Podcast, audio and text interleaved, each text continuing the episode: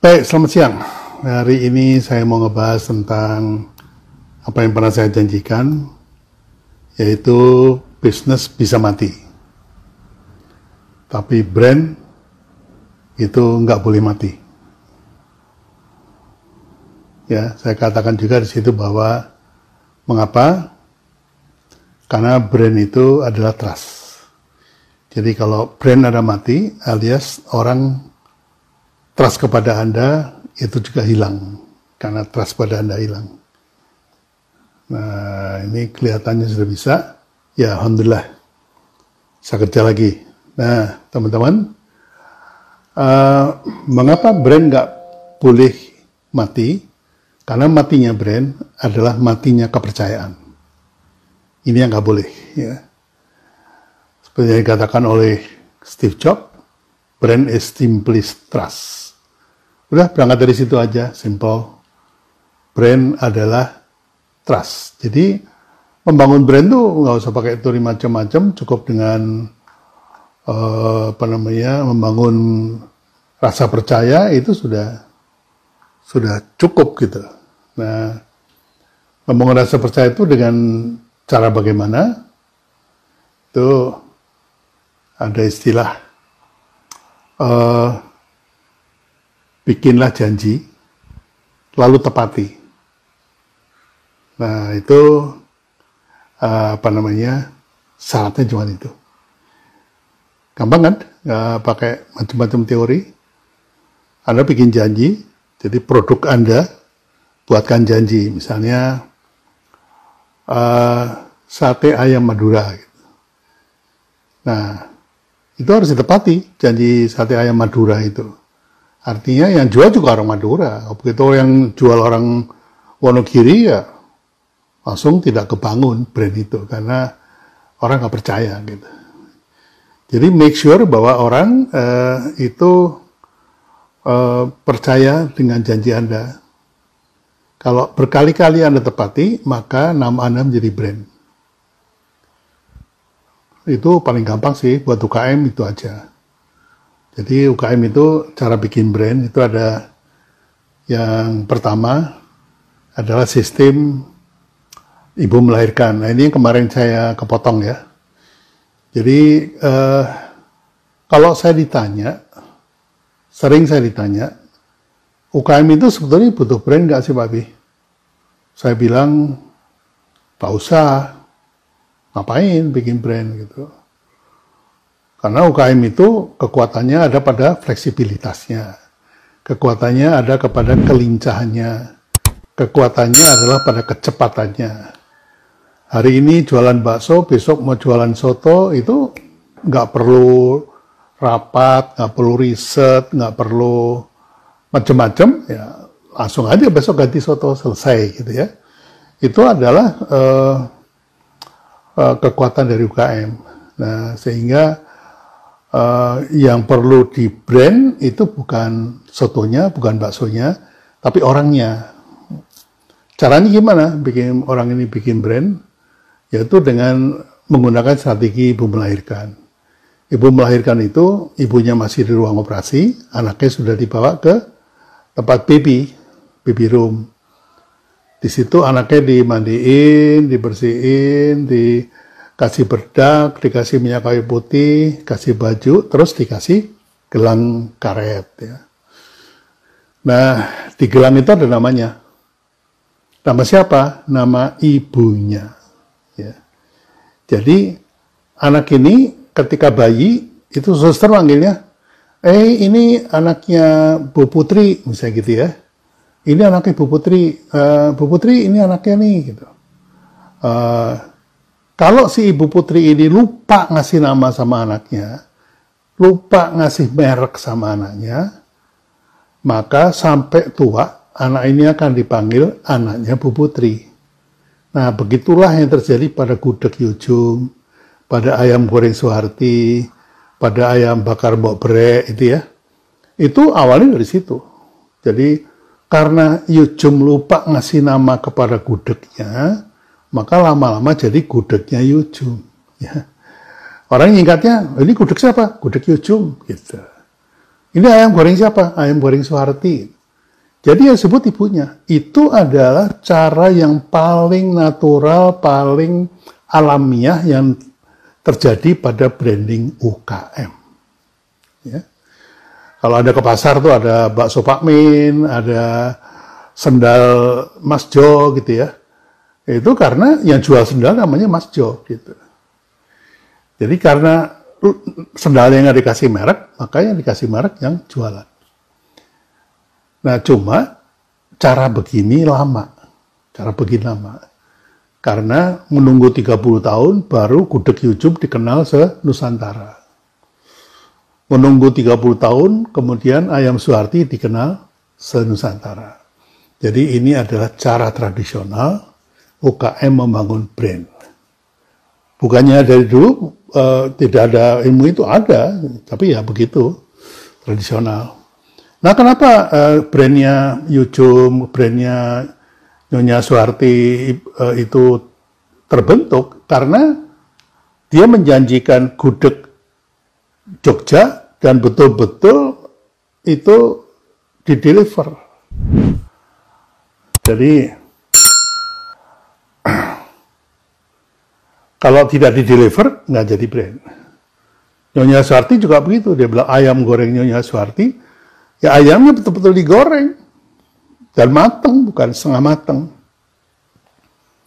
Jadi, eh, apa yang dia janjikan lewat produknya itu, dia deliver. Nah, itu cara bikin brand yang paling simple. Nggak usah pakai teori-teori, nggak usah sekolah-sekolah, nggak usah ke mana-mana. Gitu ya. Cuman emang lama ya, harus sabar kalau mau gitu. Nah, untuk mempercepat ini ada beberapa cara, ya, ada beberapa cara. Itu dengan uh, apa namanya? memberikan nama kepada produknya. Itu atau tetap memberikan nama pada yang bikin juga nggak apa-apa. Cuma ya tadi itu harus deliver the promise. Nah, produk juga gitu. Kalau diputuskan kasih nama produknya, maka produknya itu buatlah janji atas produk itu yang kemudian dipenuhi, dia akan menjadi brand. Gitu. Lama-lama menjadi brand. Gitu. Jadi berapa lama? Uh, tergantung frekuensi Anda untuk untuk apa namanya? Untuk membuktikan itu gitu. Nah, ada cara yang lebih cepat karena brand itu sebetulnya mempercepat dan membuat sustain sebuah bisnis. Jadi bisnis itu tumbuh cepat, dan tumbuh lama itu karena brand. Brand itu bantuannya seperti itu.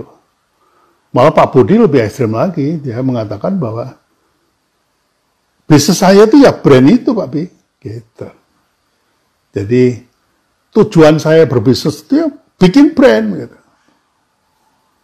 Jadi lewat bisnis itulah dia membangun brand. Jadi banyak cara untuk bangun brand memang. Jadi kalau Anda punya skill komunikasi, maka Anda bisa menggunakan media. Ya, untungnya media sekarang nggak berbayar gitu. Kalau dulu kan media itu berbayar. Jadi TV bayar, radio bayar gitu.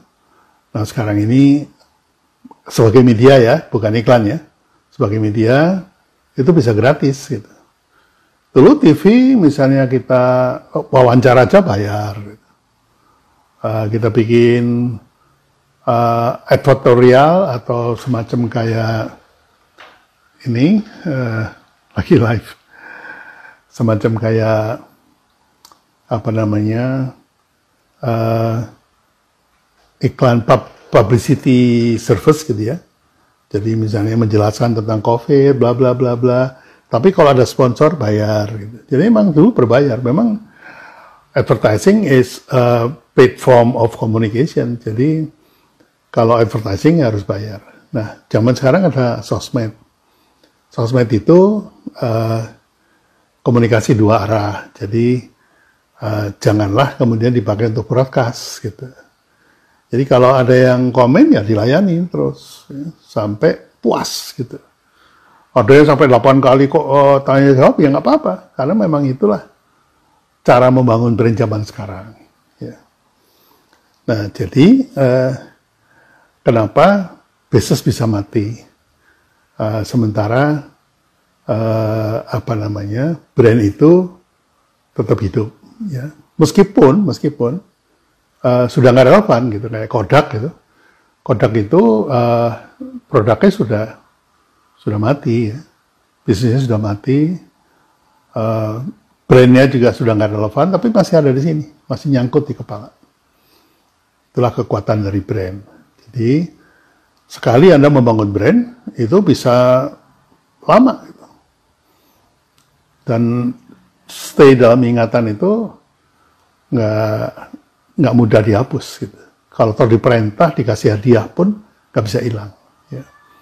Dalam kelas sering saya bilang gini, Indomie itu yang membesarkan di awalnya adalah saya uh, dengan slogan seleraku.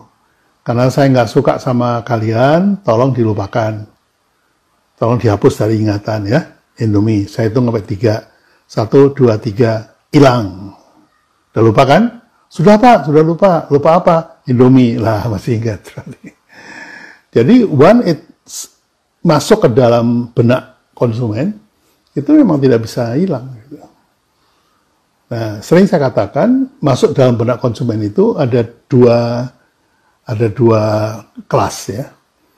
Uh, di dalam otak konsumen itu ada list, namanya evoke list. Evoke list itu uh, adalah sebuah daftar merek-merek yang muncul ketika kita menyebut sebuah uh, produk kategori. Misalnya saya bilang uh, air minum mineral, air minum mineral gitu atau air mineral gitu, maka muncullah itu beberapa merek ada aqua, ada ada apa namanya? Uh, ya saya kalau uh, mineral nggak gitu ingat. Katakanlah teh dalam botol gitu, ada teh botol, ada pucuk harum, ada teh dua tang atau masih apa enggak ada ada uh, teh macam-macam gitu. Nah, tiga pertama yang tiga paling atas disebutnya top of mind.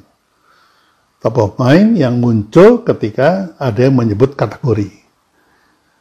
Nah, yang berikutnya adalah ada empat lagi, yaitu totalnya menjadi tujuh. Itu pun kalau dibantu, itu loh Pak Bi yang botolnya hijau gitu. Itu loh Pak Bi yang botolnya tutupi merah.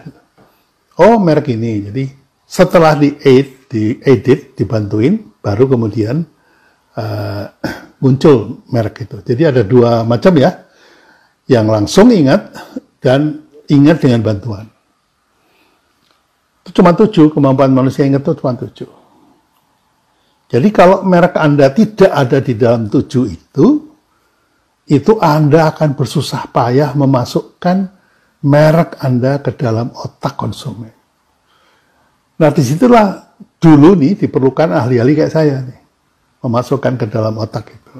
Gak pakai teori.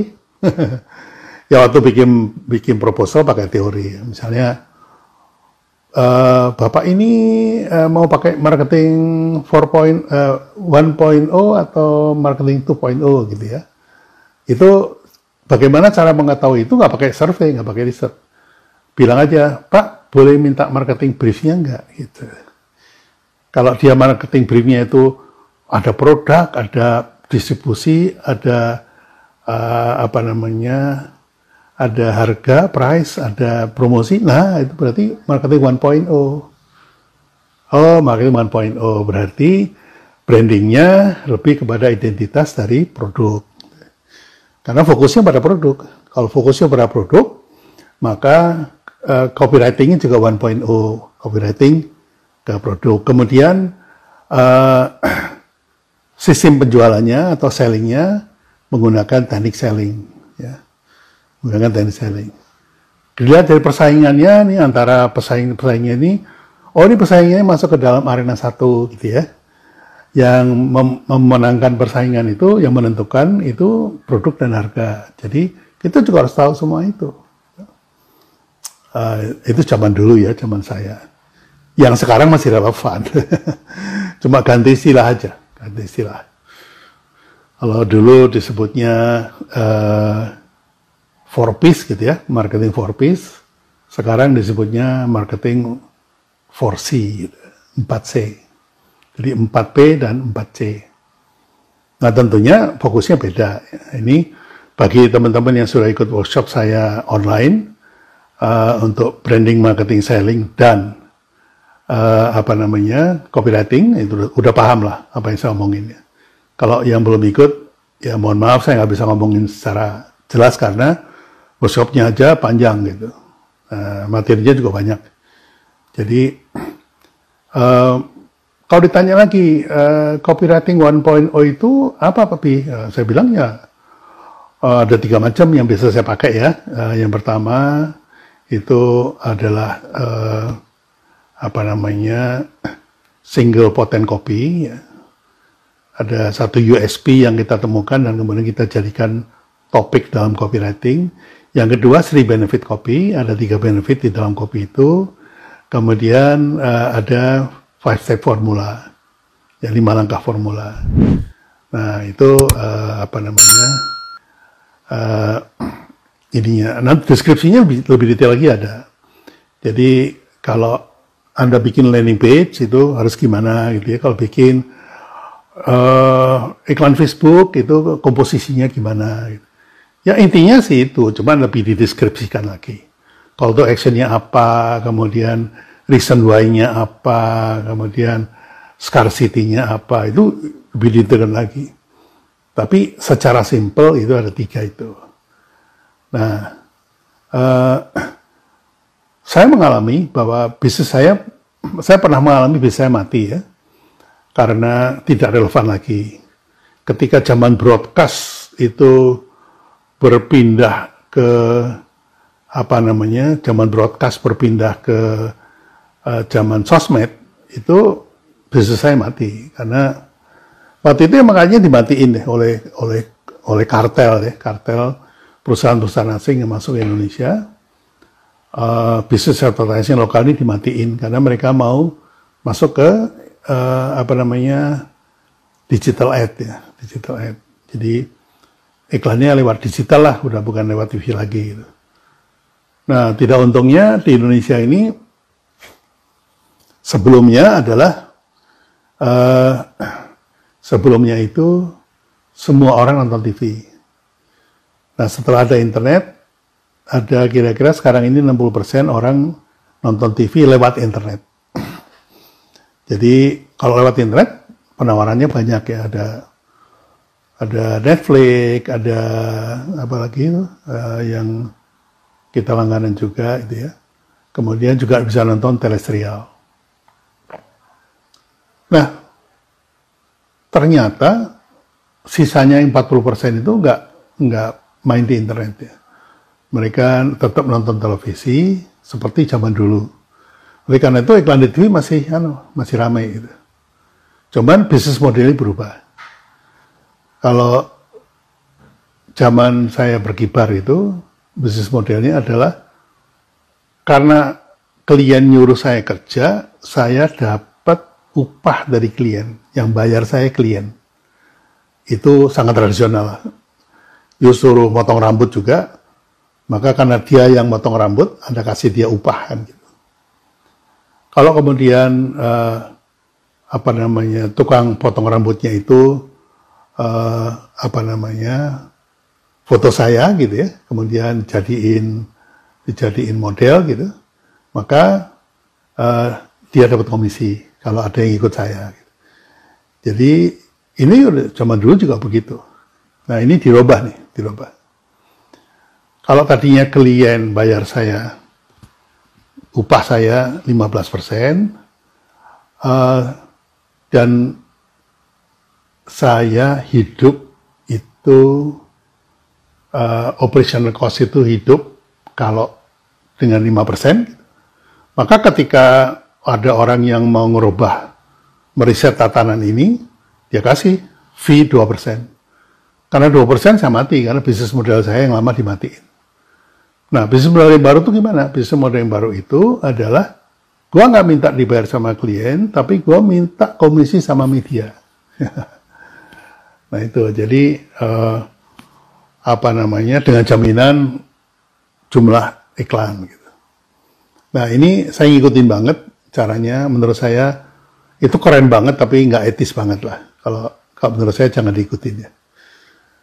Nah sekarang uh, dengan adanya sosial media ini uh, saya mencoba untuk relevan. Coba untuk relevan. Saya orang broadcast. Uh, pasang iklan sekali yang lihat jutaan orang. Sekarang bisnis model ini berubah. Yang membuat orang beli itu kalau ada personal media. Nah ini tantangan ya, tantangan. Jadi kalau tadinya itu broadcast gitu ya, kita tentukan siapa Misalnya ibu-ibu umur 35 tahun uh, seluruh Indonesia gitu. Udah broadcast aja. Per. Nah tadi pagi saya ngobrol sama dia, itu zaman itu adalah zaman di mana kita melihat sebuah kolam, gitu ya, sebuah kawasan, lalu mau mengambil ikan. Teknik zaman dulu itu nyebar jala, jalannya ditebar, ber, gitu. Nanti begitu ditarik, Nah, dapat ikan. Ikan yang mak makan umpan kita itu ikannya ikannya sejenis. Kalau dulu nggak peduli. Malah dulu tuh kalau perlu nebar jala itu separuh di lautan, separuh di daratan. Di daratan dapat ayam, di lautan dapat ikan. Nah, itu zaman dulu. Zaman sekarang ini tebar dulu jala di satu kolam. Begitu dapat ikannya sejenis nih. Nah, kita kenali nih ikannya. Udah gitu kita mulai lempar pancing di luar dari area yang tadi. Dengan cara memodeling ikan yang sejenis yang kita datang ke awal. Nah, di luar kolam ini kita tebar-tebar lagi. Akhirnya di situlah kita dapat. Nah, jadi ini uh, ini apa namanya perubahan yang harus kita sadari. Gitu ya. Jadi pesan saya sama teman-teman kalau bisa bikin konten untuk branding, jangan cuma di broadcast, taruh di apa namanya di Instagram, taruh di Facebook, udah diamin aja. Ntar juga ada yang makan gitu. Jadi saya ingat kayak bikin pengumuman di kelurahan. Papan pengumuman, pengumuman. Nanti hari Selasa akan diadakan pertemuan RT. Jadi seolah-olah eh, dengan iklan kita yang kita broadcast itu, itu sudah pasti diketahui orang. Jadi, nah, eh, ini bingung nggak ya kalau saya bilang bahwa uh, saat ini 90% dari bisnis kita itu dalam persaingan di arena satu.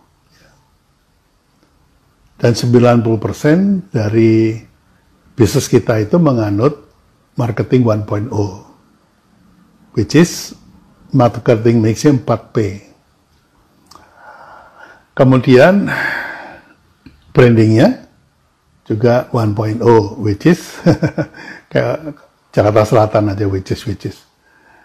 Uh, terdiri atas brand identity. Identitas bisa merek, bisa logo, bisa warna, bisa packaging, bisa macam-macam lah ya. Nah, copywritingnya pun juga copywriting 1.0. Nah, uh, ini memang terhubung semuanya, terhubung. Brandnya juga cukup brand awareness, dan paling jauh brand knowledge lah. Jadi ini uh, kita harus pahami semuanya itu. Nah, contohnya begini kita ini ada di persaingan 1.0. Kalau competitionnya competition 1.0 atau kalau arenanya disebut arena 1. Dalam arena persaingan di bisnis kita saat ini itu 90% kalau menang, kalau mau menang harus memainkan dua hal. Produknya atau harganya.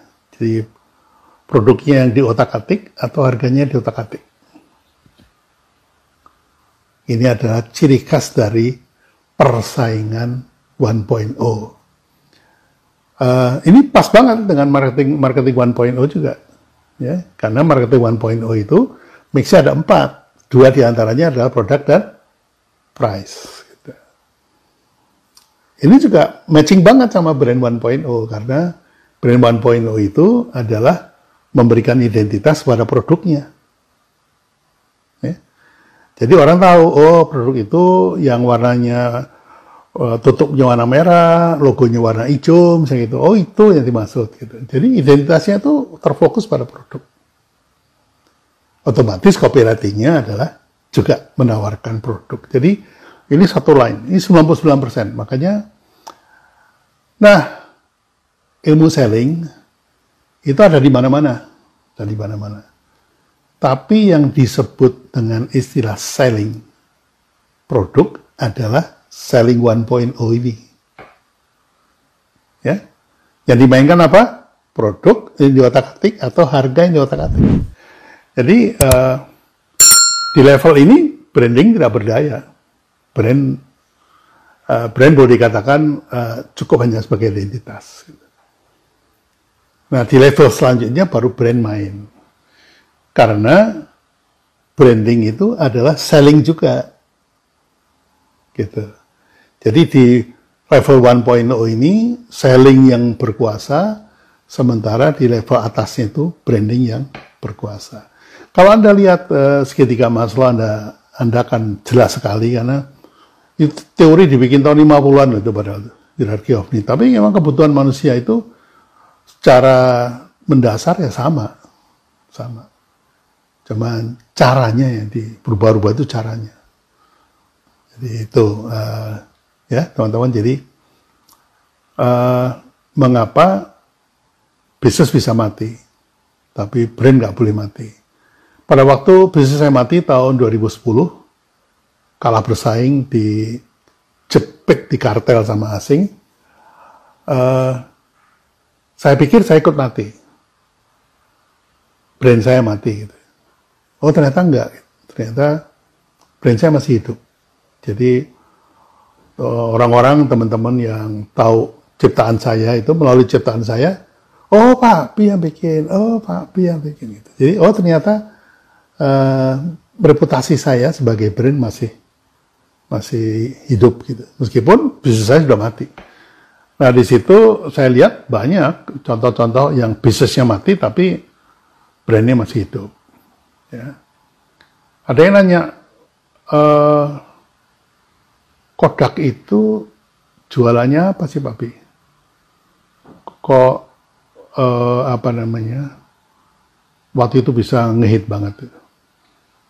Bosnya Kodak itu bilang eh, suatu hari rapat sama karyawannya, terus dia tanya, coba menurut kalian Kodak itu jual apa? Uh, mereka pada bilang ya kita jualan film. Uh, film seluloid. Yang warnanya ini, yang warnanya ini, yang ini, yang ini, yang ini. Wrong, salah. Kata bosnya ini, saya lupa namanya. Dia mengatakan, Kodak is not selling film. Kodak is selling memory. Ya. Jadi, yang dijual oleh Kodak itu memori. Uh, kalau Anda pakai film Kodak, maka memori yang Anda dapat itu berkesan.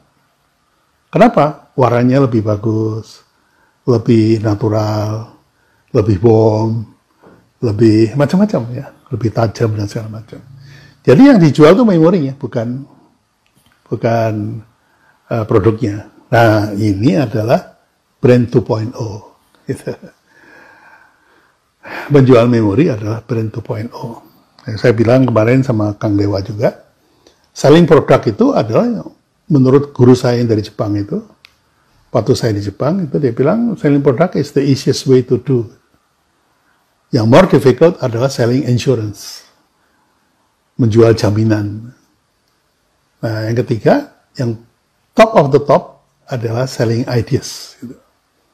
Ternyata dalam prakteknya saya menemukan selling ideas ini ada yang lebih sulit lagi. Selling value. Jadi ada empat level juga nih. Ada empat level. Jadi ilmu selling juga ada empat level. Jangan cuma berhenti di satu level aja, selling produk. Nah ini uh, obrolan siang sambil nunggu tadi komputer saya macet. Oke, tadi ada yang nanya, jurus itu untuk membuat brand, mungkin Anda kelewat ya. Jurus itu membuat brand itu adalah buatlah janji dan tepati. Udah itu aja. Karena basicnya brand adalah trust. Ya. Ketika Steve Jobs menjanjikan smartphone-nya bisa untuk motret, ya hasilnya bagus. Gitu. Ketika dia mengatakan bahwa uh, handphonenya atau iPhone-nya bisa untuk video, ya bisa untuk video. Hasilnya bagus. Gitu. Jadi uh, deliver your promise itu aja. Itu pada intinya itu. Terus bagaimana bangun trust, bagaimana deliver promise, nah itu banyak teknik yang bisa dipelajari ya. Tapi nggak ada satu jalan yang sama. Nggak ada satu jalan yang sama. Ya, jadi uh, saya minta teman-teman uh, memahami ini ya. Jadi kalau UKM, definitely, definitely ada di arena satu persaingan. Definitely marketingnya 1.0. So pasti brandnya 1.0. Jadi uh, mungkin sekitar 5% yang mau naik kelas ke marketing 2.0 ya. Mungkin ya. Uh, makanya ketika saya mengajarkan brand 2.0 sebagai the next the higher tar, uh, selling target itu sulit untuk untuk dipahami. Saya sangat ngerti gitu. Untungnya saya sebagai orang tua pernah ngalamin masa-masa itu. Jadi, oh kok dulu gini, sekarang gini, kok dulu gini, sekarang gini.